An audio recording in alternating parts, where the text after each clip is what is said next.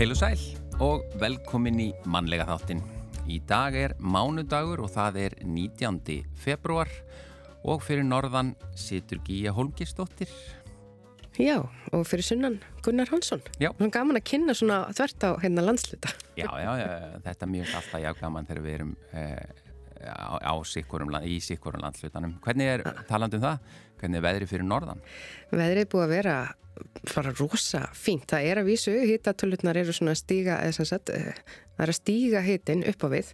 Þannig að hér neyri bænum er að verða ansisleift, stjórin er að bráðuna og það var erfitt að ganga hérna um uh, gangstéttunar eh, í morgun.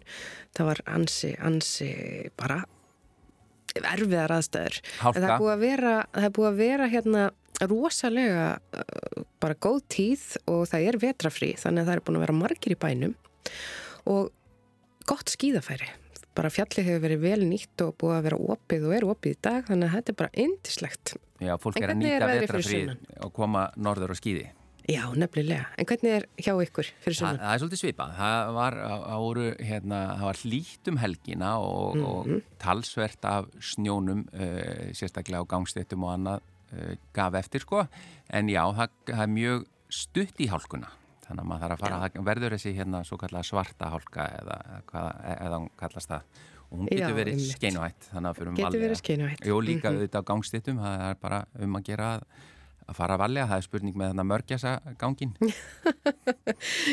Ég einmitt gekk svona mörgjasa gangi morgun og hugsaði til þessar frábæru fréttar Já En þá að efni mannlega þáttarins. Eh, við ætlum að hefja þáttinu þessu sinni á að slá á þráðin til hestamanns á kvólsvelli og forvitnast um hvaða verkefni eru efst á bögi hesthúsinu um þessa myndir. Er til dæmis búið að taka inn hestana, hvað eru margir hestar á húsi, hvena þarf að móka út og gefa og þess áttar og svona hvaða stóru viðburðir eru framundan hjá hestafólki.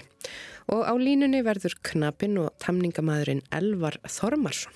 Já. Við fáum vingil frá Guðjáni Helga Ólafsinni í dag og í þetta sinn skoðar hann matarhefðir íslenskar og erlendar sem hann hefur kynst í gegnum lífið og veltiði fyrir sig hvaðan þær koma. Svo er að lesandi vikunar, í þetta sinn er það Gustaf Adolf Bergman Sigurbjörnsson, doktorsnemi í heimsveiki. Ja, í rauninni það er, það er ekki nema fimm dagar í að hann geti farið að kalla sig doktor, það eru fimm dagar í doktorsgráðuna. En hann ætlar auðvitað að segja okkur frá eins og lesendur gera, segja hvað hann hefur verið að lesa undanfarið og hvaða bækur og höfundar hafa haft mest áhrif á hann í gegnum tíðina. Já, en þá að fyrsta lægi þáttarins sem að ber titilinn Milli gærdags og á morgun. Já, þetta er heiða Árnadóttir og Gunnar Gunnarsson.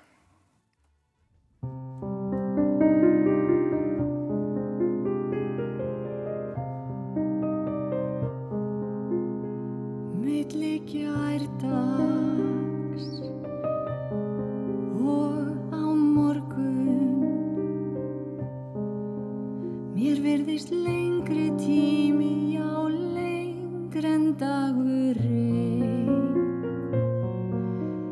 fyrir dag og nótt svart það lýsist fljótt.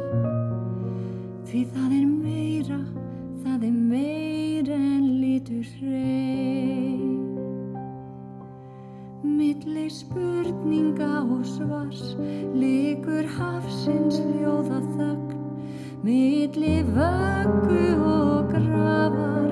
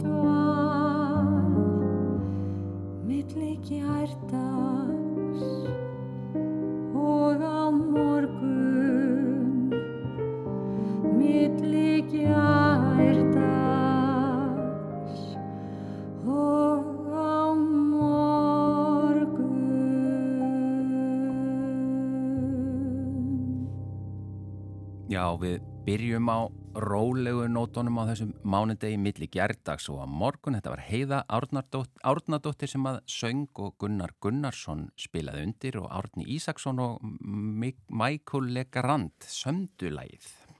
Já, þetta var gullfallegur flutningur og gullfallegt lag og gott að setja sig í svona mánustagsstellingar á svona ljúum tónum. En við ætlum líka að taka svona hverstagsleikan inn í þennan mánudag og við erum komin með eh, á línuna hjá okkur Elvar Þormarsson, knapa og tamningamann. Við ætlum að forvitnast aðeins um svona hverstagsleikan og mánudaginn í hesthúsinu. Vertu, komdu sæl, Elvar. Heyrur Komið sæl. Jæja, við vorum að vonast til þess að ná þér að störfum í hestúsinu. Gekk það hjá okkur? Já, herri, ég er bara, hérna, ég er í hesthúsinu. Hmm. Já. Og, og hvað ertu svona fást við akkurat núna?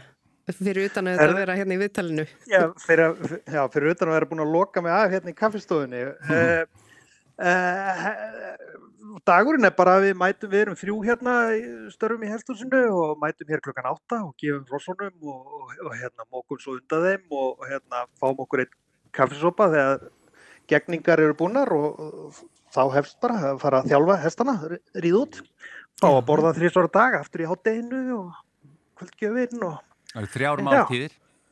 Þrjálmáltíður dag, já, bæði hjá okkur og hrossonum. Já, En hvernig svona, þú, þarna, þú ert að lýsa svona deginum, eh, en hvað, sko, þú ert atvinnu knapi, þú, ert- þú ert hérna eh, tamningamaður og, og, og svona ke keppir. Um, hvað ertu með til dæmis marga hesta núna á húsi?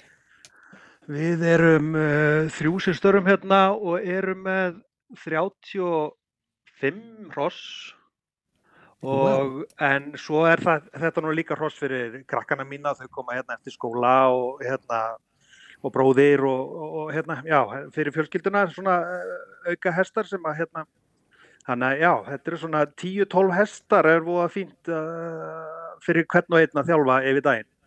Vá, þannig að þið farið í 10-12 reyðtúra á dag hvert ykkar.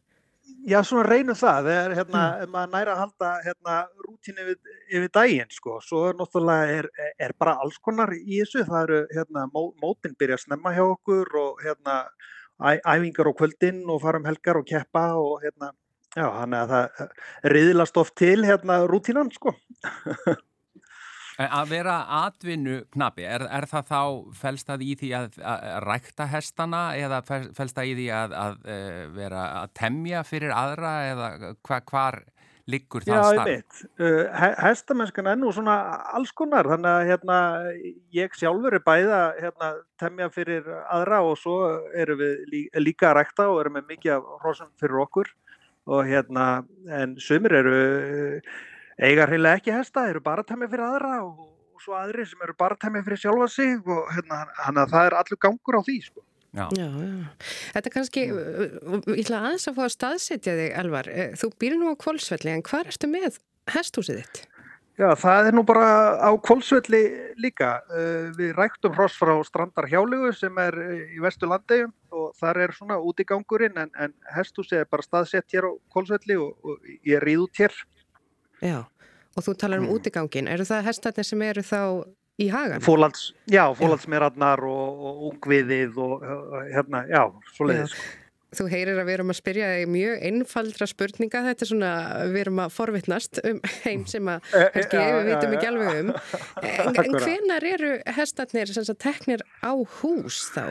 Já, einmitt. Hvenar er það gert? Uh, já, þetta er orðið svolítið breytt heldur en var, sko, þegar ég var að byrja í þessu þá hérna var mikið tekið bara inn milli jól og nýjárs en, en nú er þetta orðið mikið til, bara hestar eru margir bara nánast inni, já, hvað, eins og keppnishestar eh, fá- kannski 6 til 8 viku frí á haustin og svo er þeir bara inni, þetta er orðið svo mikil uppbygging sem við erum að leggja í, í þessa gripi, hann að hérna Þannig að hér inni eru alltaf hestar, sko. Já. Hmm. En hvernig að því þú talar um að þessi breyti tímar, eh, þú vantarlega, ertu, ertu alveg bara fættur og uppalinn inn í hestamennsku? Já, já, já. Bara, eh, hérna, eh, ef bara ekki hugsað um neitt annað, alla mína tíð. Og hver- hverjar eru svona helstu breytingarnar frá því að þú, eh, á, á hvaða aldri ertu, má maður spyrja? Eh, meina, á- Já, ég, ég, ég fættur 81 og hérna byrjaði mitt fyrirtæki bara uh, 16 ára gamall og búin að vera hérna að síðan. Hérna, tóldi ekki til skóla, vildi bara vera í hestum, hann að hérna, ég er búin að eh, vinna við þetta í töluverðan tíma. Uh, það er náttúrulega bara orðið, sko, þetta er orðið svo mikið af mótum og hérna, og náttúrulega þróunin er bara gríðarlega hröð í, í, í þjálfun. Já, Þannig að hérna, já, þetta er, það er farið að leggja mikið, mikið meiri vinnu í þetta heldur en að segja bara að þessi hestur er gæðingur og hérna, og Mhm. hver sem er getur gert það, það, það er ekki svoleiðis lengur, sko. Já, þú eru meiri Einmitt. atvinnumennska. já, og orðið mikið latvinnumennska í þessu, alveg gríðaleg. En sko, hérna, við ringjum í það nú ástæða fyrir því að við ringjum í þig sérstaklega til þess að tala um af því að þú varst útnefndur knapi ársins núna á síðasta ári af landsambandi hestamanna og uh, það má nú eiginlega segja að þú hefur bara algjörlega toppað uh, á síðasta ári. Hvernig er svona að halda inn í nýtt ár? Er þetta pressa? Já, já, einmitt, þetta var al- algjörlega ótrúlegt ár fyrir mig og, og okkur öll hér fjölskylduna og þeir sem stu, hérna, starfa hjá mér. Uh, alveg ólýsalegt, þetta svona fór eiginlega langt fram úr uh, öllum væntingum og vonum. Uh, nei, þá þarf maður bara hérna minna sig á það að þetta var bara gaman og svo er bara að halda áfram og hérna maður er kannski ekki að fara að toppa eitt eða neitt, heldur bara að halda áfram og hafa gaman að þessu og hérna sinna sínu starfi bara eins vel og maður getur og þá er bara allt í toppmálum hver, hvert sem það leiðir sko. En mm -hmm. bakvið svona titil, knapi ársins, er það að því þú varst svo sigursæll í keppnum eða er það einhvað með tamningar að gera líka eða? Það er náttúrulega fyrst og fremst heimsmeistaramótið og, og, og hrissa sem að ég var að keppa á í þrjú ár, hún fjalladís frá Fornusöndum, þannig uh, að ég get nú tilengað henni uh, þennan titil.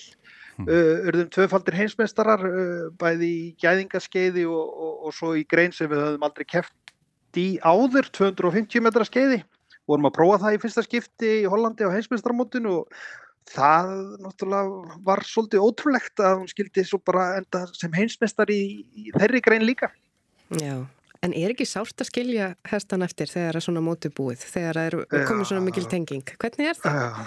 Það er náttúrulega alveg bara alveg, það var eiginlega reikalegt sko og af því að, og maður vissi nú alveg og búin að búa sér undir það að það væri að fara að koma að því en, en að ná svo svona ótrúlegu móti og hérna hún gaf, gaf mér einhvern veginn meira en hérna meira en mikið sko og þá og það var alltaf bara mjög, mjög erfið stund sko. Og þetta er auðvitað veruleikin að það, þú hérna, temur og, og þjálfar og þjálfar með svona einhverju alveg fyrirtagsrossi og fer svo með út í heimsmeistarmótin þá þarf að þá má ekki koma með hann tilbaka. Nei, nei, hann kemur ekki, hann kemur ekki heim, hann kemur ekki heim. En hvar mm. er hún í dag? Hún er í Danmörku og hérna, svo, og það, náttúrulega bara orðið stutt á milli, þannig að hérna, maður þekkir orðið eigendurnar svolítið og einnig þekki ég þjálfvaran hennar, þannig að ég er í góðu sambandi og búin að fara í haust og kíkja á hana og hérna, og það var ekkert mál. Mm, og, og hvað, skreppur þá bak líka eða? Já, já, ég fæ, ég fæ aðeins að fara bakinni. Hmm. Já, en hvað Já, er framöndan svona stórir viðburðir, stórar keppnir framöndan hjá ykkur svona hestafólkinu? Já, það er bara allt komið á stað, það er meistaradeildin, uh, ég er í, í liðið þar uh, og svo er dóttir minn í meistaradeild æskunar og svo er Suðurlandsdeild og við erum með lið þar, hann að það er bara mót nánast í hverri viku núna alveg bara, alltaf verði ekki bara mót í hverri viku bara út ágúst, hérðan í frá. Og þú segir, dóttir þín, er öll fjölskyldan komin, uh, eru þið öll á kafi í hestamennskunni? Allir, allir, allir, í, allir í hestamennskunni, já, eh, hann, hann má segja það sko. En hvernig með sko talandum breyta tíma og svo leiðis í, í sambandi við tamninga aðferðir og annað slíkt, eru einhverjar nútíma, er einhver nútíma tækni eða eitthvað sem að hefur breytt þessum aðferðum eða gert ykkur eitthvað auðveldara eða á hvaða hátt er kannski nútíma tækni að, að vinna með ykkur? Já, ég, ég held að það sé náttúrulega bara fyrst og fremst aðstafa. Hér, það eru reyðhallir út um allt. Ég held að það sé nú kannski, uh, ég vil það staðsta að við getum unnið alla daga hvort sem það er brjála veður eða, eða hérna, ekki, sko. Já, Ég held að það, það sé til dæmis bara aðstafan eru náttúrulega orðin mikið, mikið betri en var, sko. ert þú sjálfur með innan hús aðstöðu eða þarfst að leita? Ég með, já, ég er með svona litla inni aðstöðu í húsinu mínu og svo bara hérna örstutt frá er, er, er, er stór góður reyðhöll. Já, Það er eitt hérna sem ég er búin að vera að velta fyrir mér. Sko, það er auðvitað mikið verið að þjálfa hestin og, og hestana, en, en eru knaparnir að gera eitthvað svona æfingar sjálfur til þess að bæta sig? Maður Marg- svona ímynda Já. sér konar uh, já, þjálfa jafnvægi eða gerir þið eitthvað ákveð? E, einmitt, mar, ma, margir eru hérna bara stunda mjög mikla líkamsrækt og hérna en ég, ég, ég sjálfur ætti kannski að gera meira að því, ég veit ekki það. Hmm. En það er bara skiptið máli líka, bæði lík, vera líkalega hraustur og, og svo ekki síður bara andlega hliðin, skiptið bara bæði mjög miklu máli. Og það er uh, hádegi framundan bæði hjá já, hestum og, og fólki. Það er bara Já. hádegismaturinn þá hjá ykkur öllum með það. Já, hro- hrossin er í, í forgangi, þau fá fyrst að borða og, og svo hendum við í okkur. En, um, en talandum uh, gó- betri aðstöðu og, og, nýja tækni og svona, það þarf samt alltaf að móka út eða hvað? Er, er, er það orðið er bara, það automatist? er bara þannig já, einmitt, og hérna maður maður bara lítur á það sem hérna, líkansræktin á mótnana það hreins undan rossonum á mótnana og hérna aðeins, að- aðeins að puða það er bara það er bara holdt og gott. I love it, þegar það ekki hérna í- I love it. Lyktin er af honum. I love it. Akkurat sko. Stór gott. En hérna, bara að- aðeins ég, ég bara, við langar aðeins að því að, að, því að eh, þetta er auðvitað svo náinn eh, samskipti milli knapa og hests, ekki satt, og, Já, og eins og fjalladís og annað, ég menna hlýtur að verða alveg gríðarlega mikið tilfinningasamband um, já, já, og, og, það er og, nú áttu svona marga hesta og svo leiðist, þá vantalega eru einhverjir svona í meira uppahaldi, er, er einhvað um að hestar séu bara fullindir og ekkit voða uh, félagslindir og, og skemmtilegir eða, lát, eða hvernig er það? Já, já, það er all, allur gangur á því. Það er allur gangur á því. Uh, við erum alltaf að leitast eftir hestinu með, hérna, með góða, flotta geðslægi, en eh, hérna, það kemur alltaf innanum uh, hérna, erfiðir hestar, lu- lundafarslega séð, sko. Já, og þá í tamningunni jafnvel einhverju sem að þarf að leggja miklu, miklu meira á sig við. Já, algjörlega, algjörlega og svo er bara því miður er það nú bara þannig að sumir eru með þannig lundafara að borga sig ekki eða vinnu í þá, það er nú bara þannig. Já, þá, þá bara hva, á hvað lungun tíma áttarið á því, áttarið fljótt á svo leiðis. Já, það er nú voðalega, þetta getur það verið misætt. Já, ég held að menn finni það yfirleitt freka fljótt ef að hérna, eh, hestar eru með algjörlega ómögulegt lundafar, sko. Já, áhugavert. Það er mánudagur í, í, getur verið mánudagur í hestum greinilega líka eins og Já, já, já, já, já algjörlega. En takk fyrir þetta Elvar Þormarsson fyrir að vera á línu hjá okkur og við svona forvitnast um hverstagsleikan í hesthúsinu og gangi ykkur bara vel í öllum ykkar störfum. Takk fyrir, gaman að heyri ykkur. Bless, bless. Sem leiðis. Bless, bless.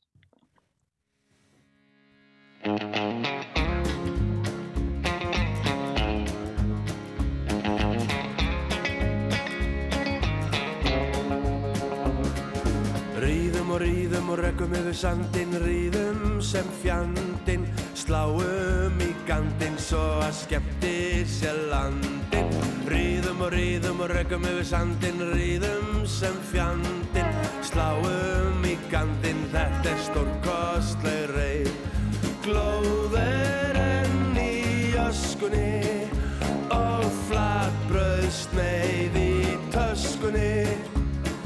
Lögg er enn í flöskunni. Við komum ösku fullir heim. Ríðum og ríðum og reggum yfir sandin Ríðum sem fjandin Sláum í gandin Svo að skemmti sér landin Ríðum og ríðum og reggum yfir sandin Ríðum sem fjandin Sláum í gandin Þetta er stórkostleg reið. Glóð er enn í öskunni Og flatbröð sneið í töskunni. Lögg er enn í flöskunni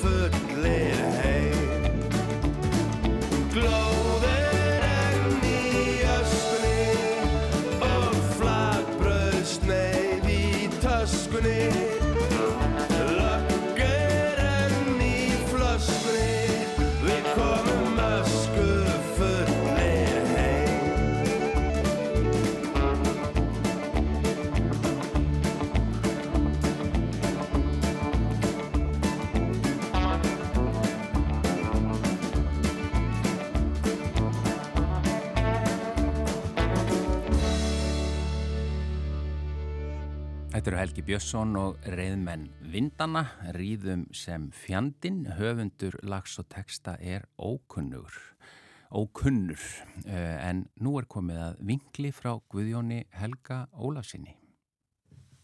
Ágætu hlustendur, ég býð ykkur velkomin að viðtækjunum. Eh, Nú kannski ámaður ekki að eigða miklum tíma í að greina sína eigin hegðun. Ég hef ekki vitað því, en gruna að það sé ekki farselt að sleppa því alveg. Ég held að sæmileg meðvitundum daglegt líf sé til bóta fyrir samfélagið og okkur sjálf. Til dæmis er ég nokkuð vissum að versta ástæða fyrir sumu af því sem að maður segir við að tekur sér fyrir hendur í daglega lífinu sé að svona hafi maður alltaf sagt eða hafi alltaf gert. Maður sem sagt apar hugsun og löst eða lítið eftir öðrum án þess að rína breytnina til gags. Með þeim rökum að þetta hafi nú alltaf verið gert svona eða hinsegin og að það viti nú allir. Fyrir slisni getum maður svo lendi því sama og, og ég gerir stundum nefnilega að skoða hvers vegna maður gerir þetta eða hitt. Ég fór að velta einhverju slíku fyrir mér eftir sunnudagsmatinn, stekti nokkra kótilettur í raspi hérna og, og fyrir viku síðan var ég heimsókn hjá vinnum mínum austur á hotnafyrði og þegar leið á sunnudagsmorgunin tók lykt af stektu lambalæri að berast um húsið. Nú er ég með þeim ósköpum að vita eiginlega ekkert betra í heiminum sem hátegismat á sunnudegin lambasteik. Mér er fullkunnugt um að hluti af útskýringunni hvers vegna er lærið hegðun. Ég er alveg uppið þetta. Bæði mamma og amma voru bísna fastheldnar á þennan sið og tengdamæður mínar ekki síður. Því miður hef ég ekki tök á að senda þeim fyrrnemdu spurningalista varðandi sunnudagsmáltíðir fyrir ekkar en annað en hinar myndu svara mér fyrir eitt orð, ég er alveg viss um það. En ef ég kannski skoða málið örlítið áður en spurningalistarnir fara í post er ekki ómögulegt að ég fengi sömu svör. Þetta er bara hefð. Kannski hefðu þær bara verið guðuslifandi fegnar að sleppa við þetta steikarbras og vesen á sunnudagsmótnum. ef ekki hefði verið hefðin. Mögulega hefði þeim stundum langað að setja miða á eldúsborðið á sunnudagsmótnum með eftirfarandi skilabóðum. Ég er farin í gönguferð upp á Ingólfsfjall, það er matur í ískápnum og ég líð ekki að eldúsið sé allt í drasli þegar ég kem heim.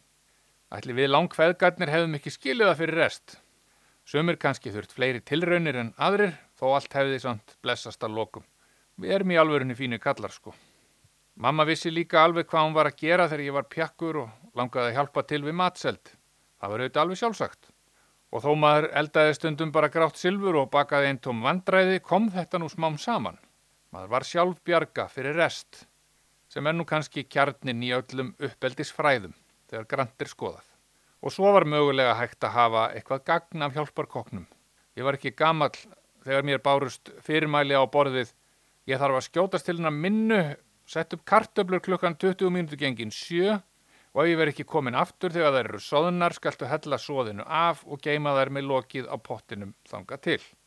Sjálfsagt hefur þetta klúðrast einhver tíman hjá mér en ég hef blessunulega glemt því og man bara það sem gekk vel.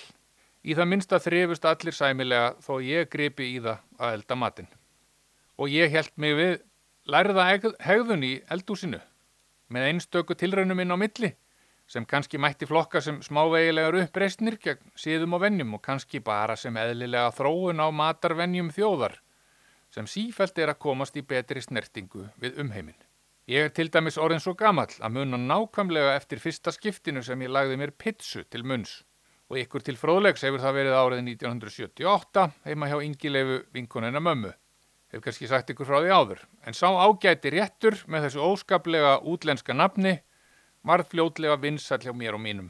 Meira segja amma í Gölverabæ sem fættist á heiðarbílinu Brunakvami í Vopnafyrði fyrir rúmum 100 árum sá gríðarleg tækifæri til nýtingu afganga með tilkomu pitsunar í hinnu íslenska fjölskyldu eldhúsi 8. áratugar síðustu aldar. Ég fekk því til dæmis pitsu með þundsneittu saltkjöti, pitsu með bjúknasneiðum sem eru auðvitað næstum því pepperoni, pitsu með stektu hakki og jafnvel spagetti restum líka. Pitsu með afgöngunum af sunnundagslærinu eða hrygnum, auk þess sem ég átti sjálfur tilbriði við stefið með því að, og nú höfum við gæsalappir, finna upp pitsu með betum af stektir ísu í raspi og lauksneiðum, tómatsósu líka auðvitað. Innblásturinn mun hafa verið myndi í Family Journal eða einhverju álíka exotísku tímariti þar sem pizza með saltfiskbitum, lauk og ólífum byrtist mér fyrir sjónum. Mér leittist alltaf uppbyttaður fiskur nefn í plokkara og vildi gera tilraun. Það var nú ekki nema sjálfsagt hjá frú Rannvegu og hún notaði tækifærið til að ganga sér til helsubótar á meðan ég svívirti matarhefðir sögueigunar. Eina skilirði var að skilja ekki við eldúsið á hliðinni, en ég man ekki hvernig fór með það. Svona tilraunir til samruna á matarhefðum þjóða með ólíkan uppruna lifa í minningunni hjá mér og mínu fólki. Og þetta var auðvitað með sama hætti á fleiri bæjum. Skarpiðin vinnu minn rifjaði til dæmis upp fyrir mér hvinnar hann smakkaði pastarétt í ætt við þá sem ítalskættaðir í bandaríkjumenn hafa fyrir löngu gert að heimsmatarmenningu. Þetta var honum mikil upplifin og ekki síður innblástur við eigin heimilisrekstur nokkrum árum síðar. Við erum að kynnslóðinni sem munum þennan samruna, en okkar börn veit ekki annað en að pitsur, pastaréttir og takkós og fátt eitt sín og nefnt hafi verið hluti af íslenskri matarhefð frá örófi alda. Að svona hafi þetta alltaf verið. Ég ætla að gerast svo djarfur að halda því fram að nútíma Íslendingar lifi aðalega á fæði með alþjóðlegan uppruna, en haldi dauðahaldi í sjálfsmynd sína og þorranum, aðalega til að sínast. Nú verður auðvitað einhver brjálaður og, og rópar ókvæðis orðað viðtækinu en að sjálfsögðu eru á þessu undantekningar eins og til dæmis Kall Faðiminn og Átni Jón máur hans, en þeir eru alltaf klárir í heimstyrjöld og eru með sírukérinn full á hverju hausti af bungum, sviðasultu, lundarböggum og öðru sælkjara fæði sem verkað er með gömlu og góðu lagi. Enda spá ég því að þeir verði allra kalla elstir. Nú hefur verið upplagt að láta staðar nömu við að rýfa niður sjálfsmynd íslensku þjóðarinnar hvað matarhefðir varðar, en ég stennst ekki mátið og frussa því hér yfir ykkur í leiðinni að sunnudagsteikin eru auðvitað ekki íslenskur síður, kominga frá Danmörku, en þanga frá Þýskalandi. Alveg eins og kleinur og ástarpungar, saltkjöt og bönir, fiskur í raspi, jónabandsæla, bjúu, uppstúfur, brúnaðar kartöflur, lagtertur og einlega vel flest, 20. aldar fæði Íslendinga sem eru bara erlendar uppskriftir sem aðlagaðar voru vöru úrvali á landinu og hverjum tíma. Við nótum þannig lambasaltkjött með bönasúpunni á sprengidægin en ekki svínakjött eins og danir og þjóðverjar. Smyrjum rababarasöldu á milli laga kvítu ferköntuðu lagtertunar sem flúði til Kanada og er þar orðin kringlótt og heitir vínarterta með sveskjusöldu á milli laga sem skýrist auðvitað því að það er auðvildar að verða sér út um slíkt en rababarasöldu. Og svona mætti auðvitað halda áfram lengi. En það fyrir að koma matur og ég má ekki halda hér einræður um mat í allan dag en minn ykkur á að um smekk verður ekki deilt. Hvert okkar verður að fá frelsi til að velja og hafna í þeim málum. Til dæmis getur Jónni vinnu minn eiginlega ekki borða rækjur en hann hefur þróað með sér aðferð til að taka þær inn eins og ólistugt meðal, sem satt kingir þeim eins og magniltöflum. Mér finnast þær hins vegar góðar og á öðru leiti erum við sjaldan ósamála. Þó hef ég orði varfið að hann heldur meira upp á Abbey Road en Revolver þegar umræðan snýst um plötur bílana, sem eru auðvitað smámál og auðvitað skiptir mestu máli að eiga þær báðar. Já, eða allar. Og nú langar mig að tróða rúsínu í pilsu endan á þessari langloku um samruna matarhefða. Einkennilegt máltæki annars, ég hef aldrei orðið varfið rúsínur eða aðra þurkaða ávexti í pilsum, hvorki endum þeirra eða þar á milli. En kannski myndi mér þykja þær vera heimsins bestu pilsur, ég geti auðvitað ekki ákveðið að svona matur sé vondur án þess að smakka. Og það er merkurinn málsins. Við viljum vera frjálst til að þvælast um allan heim og geta þar allt bæði súrt og sætt fella síðan sleggjudóma um annara þjóða siði í næsta jólabóði eða fermingaveyslu. Sjálfur hef ég marg sinnis orðið uppvísa slíku. Jafnvel gagvart frændum okkar normönnum sem eiga það ekki skilið og fóstruðu mig, fættu og klættu á samt tíu þúsund samlöndum mínum eftir íslenska efnahagsundrið fyrir ekki efnahagshrunið. Ég vil nota tækifærið og byggjast afsökunar því. Það má alveg finna ágætan mat í Noregi á millibröðsneðana sem eru upp í staða daglegar fæðu þar. Normenn eru líka yfirleitt hói og slank þrátt fyrir sinn kost og eru öruglega að gera eitthvað rétt fyrst svo er. Og fyrst við megum þvælast um allt, hljóta aðrir að fá að dveljast hér með lengri eða skemmri tíma og fá ekki verri móttökur af okkar hendi og talfærum en við hjá þeim. Það er nú bara sangjant. Er það ekki annars? Góðar stundir.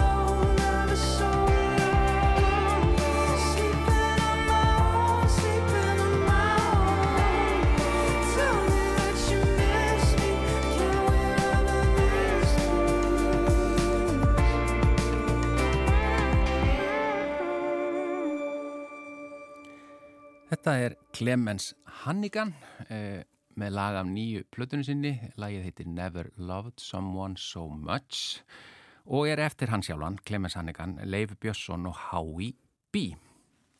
En það er komið að lesandavíkunar. Hann er komin hér og sestur á móti mér, Gustaf Adolf Bergman Sigurbjörnsson, doktorsnemi í heimsbyggi. Velkomin og takk fyrir að koma og takk fyrir að þér. Takk fyrir að... Það munar bara fimm dögum Já, það styrtist í þetta. að við getum kallað þig doktor Já, uh, Gustaf Adolf það þú ert sem sagt að fara að verja þína rítgerð, uh, doktorsrítgerð á hvað, förstu dag? á fyrstu dag, klukkan 11 er, er vörninn. Vá, Já. hvernig líður manni fimmtugum áður? Er, er, er, þarf það að undirbúa, ég menna þú ert löngu búið með rítgerðina? Já, hún er alltaf búin að vera all, eða svona, leiðbyrjandi mér sagði mér eftir daginn, sko, veist, ég var eitthvað svona stressað með að að gera, að skrifa erindi sem ég þarf að halda, sko, og undirbúa mundir andmæli, andmæli andmælenda. Já, og hérna, uh, hann, hann myndi mig á það, þú veist, alveg búin að vera, sko, sjö ára að þessu, sko. já, þú ættir að kunna þetta nokkuð vel. Já, En það að því að þetta, þetta er orðað svona að verja rítgerina, þannig að þú, þú færið spurningar og þú þarfst að gera grein fyrir máliðinu og, og fyrir rítgerinni. Já, það eru svona tveir sérfræðingar erlendis frá sem eru að koma og hafa lesið ríkirina og eru búin að sérst í raun og veru finna einhver, einhver fleti sem þau vilja skora á mig með, sko, að, Skoraði á holm. já, skora mig á hólm. Já, en svo þarf að, hérna, við, við gefum okkur það að þetta gangi upp. Já. Þá ertu bara frá og með þeim punkti ert þú orðin doktor. Já, þá ég færi raun og veru afhent próskýrtinni í loka aðtafnar ef, ef allt gengur eftir. Já, ég ætla ekki að óska henni til það mikið strax, ég, en ég sendi á því bara á fyrstæðin. En hérna, hva, um hvað er rítgerðin? Hún er í heimsbyggi? Þetta er heimsbyggi, hún heitir Sense and Testimony, uh, hérna Speech and Empathy on the Margins of Worlds og hún fjallar í um svona grunnatriðum, þessum sko tengslum í raun og veru uh, frásagnarinnar, því hvernig við segjum frá og skiljum frásagnir annara Já. og samkendarinnar, hvernig við skiljum og skinnjum í veru tilfinningar og, og uh, hugar ástand annara bara með því að horfa á hvert annað eða lifa með hverjum og hvernig þetta tvent flettast saman. Uh, og það sem ég er svona pína fást við er hvernig þetta getur farið úrskeiðis þegar við erum uh, upplifum heimin á ólíkan hátt. Að. Já. Þetta á nú ágætlega við í dag. Já, ég myndi segja það sko. Þetta sprettur upp úr svona pínu MeToo pælingum Já. svolítið, uh, og svo bara svona hugmyndur um húst, húst reynslu fátaksfólks til dæmis þegar það er að tjá reynslu sína og fólk einhvern veginn meðtökur það ekki eða skilur það ekki sko. hvað er að, hvað er að ske Já. og hvað er það og veru sem gerist þegar það er text sko. Af hverju maður getur sett sér í spór annara. Já, og, og, já. Og, og hvernig förum við að því sko. Veist, það er svona, það sem ég, það er svona þráðurinn sem ég er að reyna að leita af það Áhugavert þar á föstudaginn, uh, en þú ert eh, lesandi vikunar hér. Hvaða bækur ætlar að segja okkur frá sem þú hefur verið að lesa undanfarið, svona innan gæsalappa? Innan gæsalaba, ég er náttúrulega sko kom, ég er náttúrulega haldin þeim leið að kvilla að vera alltaf að lesa svona 15-20 bækur í einu Er það leiður kvilli? Já, eða maður, er svona, maður kemst hægt yfir maður er alltaf svona að matla mjög lengi en það er Já. kannski bara mjög fínt sko ég veit það ekki, en ég, ég alltaf er alltaf með mjög margt í gangi einu og ég, mér finnst svona hérna ég fristaðist til þess að byrja á sko myndasögur Það er hérna, þannig að ég, það er hérna uh, hún heitir It's Lonely at the End of the World eftir höfund sem heitir Zoe Thorogood Já. svona sjálfsæfil söguleg myndasaga og þetta er svona ung kona sem er bara svona kljást við sko þunglindi, sjálfskaða og, og lottarhelkinni svona impostor syndrom Já. og, og hérna og er einhvern veginn sko og þessi myndasaga er í raun og veru prósessi sem hún fer í gegnum til þess að vinna sig út úr þunglindinu þetta er sem sagt það, það er, þetta er afurðin í raun og veru af því að vinna sig út úr þunglindinu Þetta þetta er mjög þá persónuleg saga hennar. Já, algjörlega. Og svona mjög skemmtileg sko, hún er svona hún er klunnaleg og húst, kemur sér í skrýtnar aðstæður og á einhverju mjög vandraðilegu ástarsambandi við mann sem býr, hún býr í Englandi og hann býr í Bandaríkjunum og fer svona í ferðalag til hans og það er einhvern veginn klúðrast allt saman og er mjög svona sad einhvern veginn Já. Uh, en svo er hún bara svo geggjaður í listamæður sko. það er bara, veist, þetta myndir hana svona flýst mjög illa yfir útvarpið en það er þetta, hérna, hvað hún er bara ótrúlega fær teiknari og Hún teikna sjálf. hún teiknar sjálf Já, það gera það náttúrulega ekki allir höfundar. Nei, og það er sjaldan sem maður finnur sko höfund sem sko neglir sko bæði frásagnarlistina og þetta myndir hana einhvern veginn, það er bara þú veist, það er svo ótrúlega fallega gullið element einhvern veginn sko sem hún neglir. Já, It's, lonely, uh, it's Lonely at the End of the World mm -hmm. uh, en Prophet Song, hvaða bók er það? Herðu, Prophet Song eftir Paul Lynch er sagt, bókun, van, hann vann búkervelunin núna seinast Já Uh, og þetta er eiginlega mjög óþægileg bók og sagt, ég er, í, sagt, er ekki búin með hana, ég er að vinna, vinna með það í gennum hana uh, og fjallar um uh, fylgjum konu sem er sagt, hérna sem, sem er býr í hérna, Írlandi mm. maðurinn hennar er hérna, einhver svona verkalýfsleitögi og það sem við verðum svona, við verðum svona áskynja mjög snemma í bókinni að það er í raun og veru fasista stjórn, hefur náð stjórn á Írlandi mm. og er sem sagt að þrengja að samfélaginu smátt og smátt og hérna og hún sem sagt Veist, maðurinn hennar hverfur og við erum að fylgja henni og hún fær enginn svöraði hvert, hvað hefur orðið ánum og svo erum við að fylgja henni að vera sko fjarabanna móðir vinnandi að reyna einhvern veginn að feta sér í gegnum þetta líf Já. að vera þarna einhvern veginn, hún var búið að merkjana sem einhvern mögulegan andósmann og hérna og það sem er svo geggja við þessa sögu er sko að í, sko, oft þegar maður lesi einhverja svona andófsögur eða það er einhverja faset að ná stjórn og þá eru að fylgja einhverju hetju sem hefur ofta ekkert mjög mikla að tapa Já. og þannig eru að fylgja mannesku sem hefur sko öllu að tapa, hún er bara, hún með sér fjögur börn, hún er að halda fjölskyttunni saman hún má ekki hverfa sjálf hún vil ekki að, hún veist, unglingssónu sem hverfi heldur og Já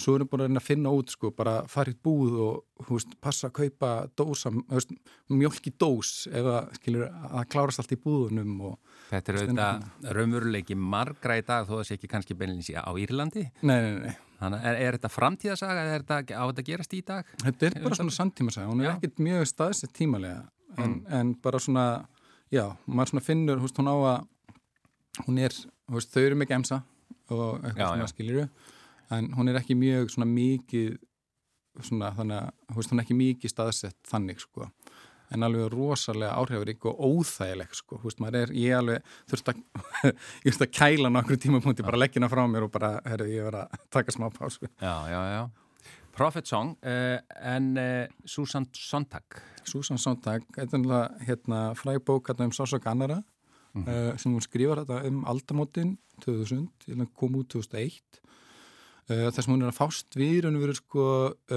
hún er að tala um ljósmyndun og, og sagt, og veru áhrif ljósmynda í fölmiðlun og ljósmyndunum að stríðum mm. aðalega þess að hún er að fást við þarna og raun og veru hvernig, húst, hvaða sko, hvaða tilgangi þjónar það að sjá myndir af stríðum og hvernig, húst, hvaða hérna, skildu eða kalla, höfu við skildu til þess að horfa á hörmungar til dæmis í, mm -hmm. í fjölmjölum ég, sagt, það sem ég raun og veru var til þess að ég byrjaði þessar bók fyrir mörgum, mörgum árum síðan og kláraði hann aldrei og svo fór ég að lesa hann núna í haust þegar sagt, hérna, við fórum að fá þessar, bara, veist, bara fítið mitt á samfélagsmiðlum var bara yfirfullt af hörmungunum í Palestínu. Já.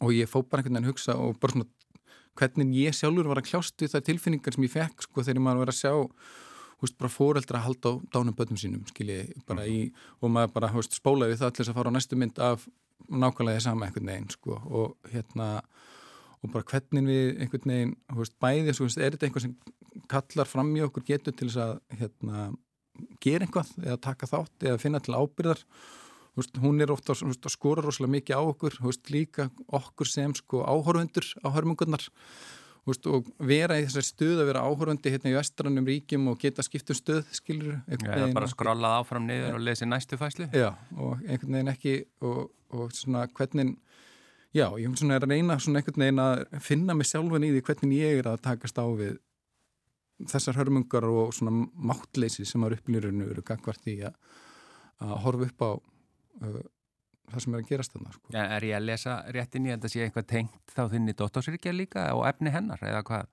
Já, það er náttúrulega svona ákveð element, jú, jú, jú. Um, hérna hún náttúrulega sko, í raun og veru sko, það sem hún leggur áherslu á í raun og veru er að sko ljósmyndin er pínu sérstök að því leiti að hún náttúrulega skrifur þetta tíu árum áður en sko snjáttsímabildningin á sér stað sko.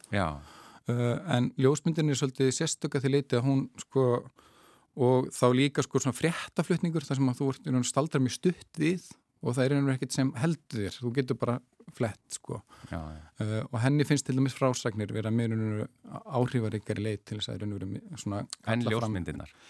Já, allan eins og ég skil hana sko. Að, að hérna þá hérna að þær ljósmyndar geta verið mikilvægir það geta verið svona gott haldaripp einhvern veginn til þess að halda minningum á lofti. Uh, en hérna en þegar við þurfum einhvern veginn að, að og hún, hún til líka upp fullt af kvikmyndum.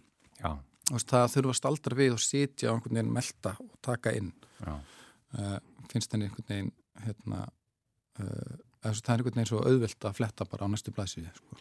Um sársöka annara eftir Susan Sontag. Eh, næsta bók?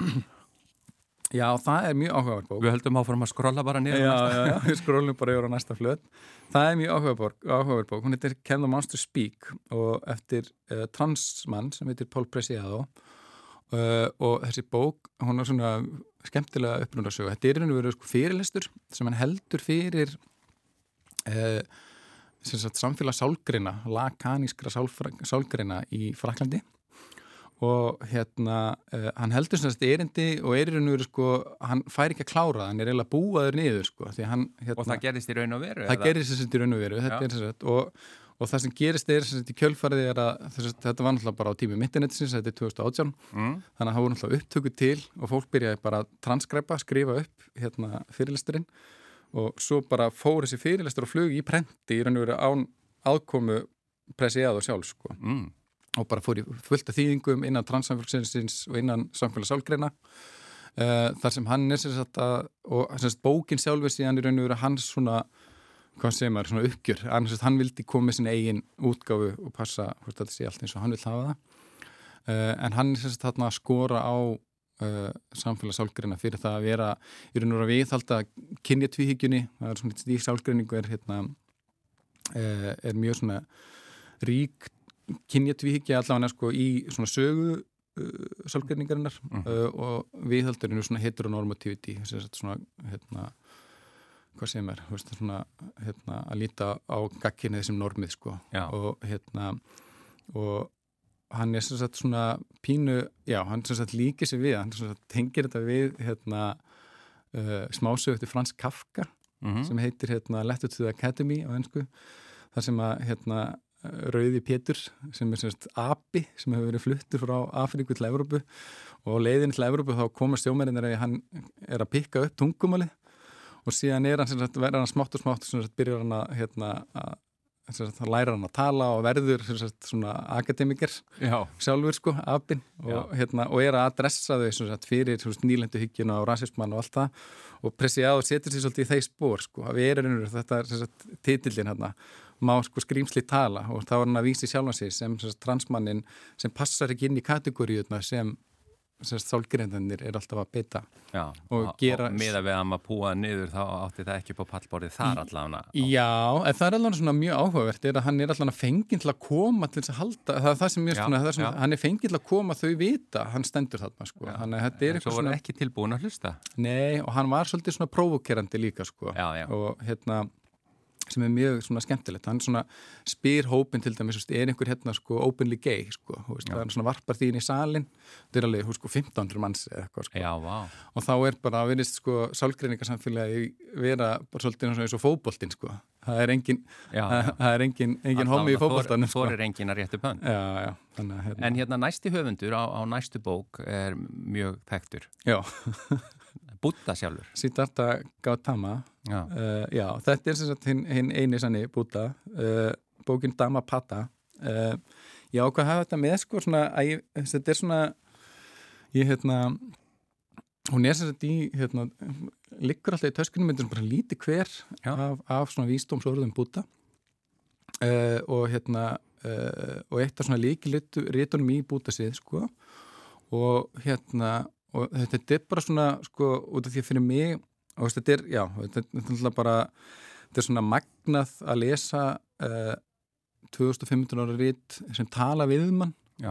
Og, veist, og ég sjálfur gerir sko, það, veist, þegar sko, lífið verður og mikið eða hörmungarnar út í heimi og miklin einhvern veginn, þá finn ég ofta rói að lesa einmitt, gömul trúaritt eða eitthvað þannig, sko, þetta er svona hérna, þetta er svolítið svona eins og að lesa háamál eða eða, hérna, eða bara gamla testamentið eða eitthvað þannig sko, að maður fer inn einhvern veginn og, og hérna og finna það að fyrir 2500 árum hafi fólk líka verið að takast á við höldið sumu tilfinningarnar og, og kljásti við vandamálunni, hvernig það er námið svipaðan hátt og, hérna og því svona þessi bóðskapur bara líka skilur að hérna, þú segir ekki hatur með hatri heldur með, með ást sko, eða um ekki Já, svo ég bæði um að fara aftur í tíman, eitthvað sem hefði haft áhrif og ég, þetta vakti mikla kátinni hjá mér, Frank og Jóa bækurnar. Já.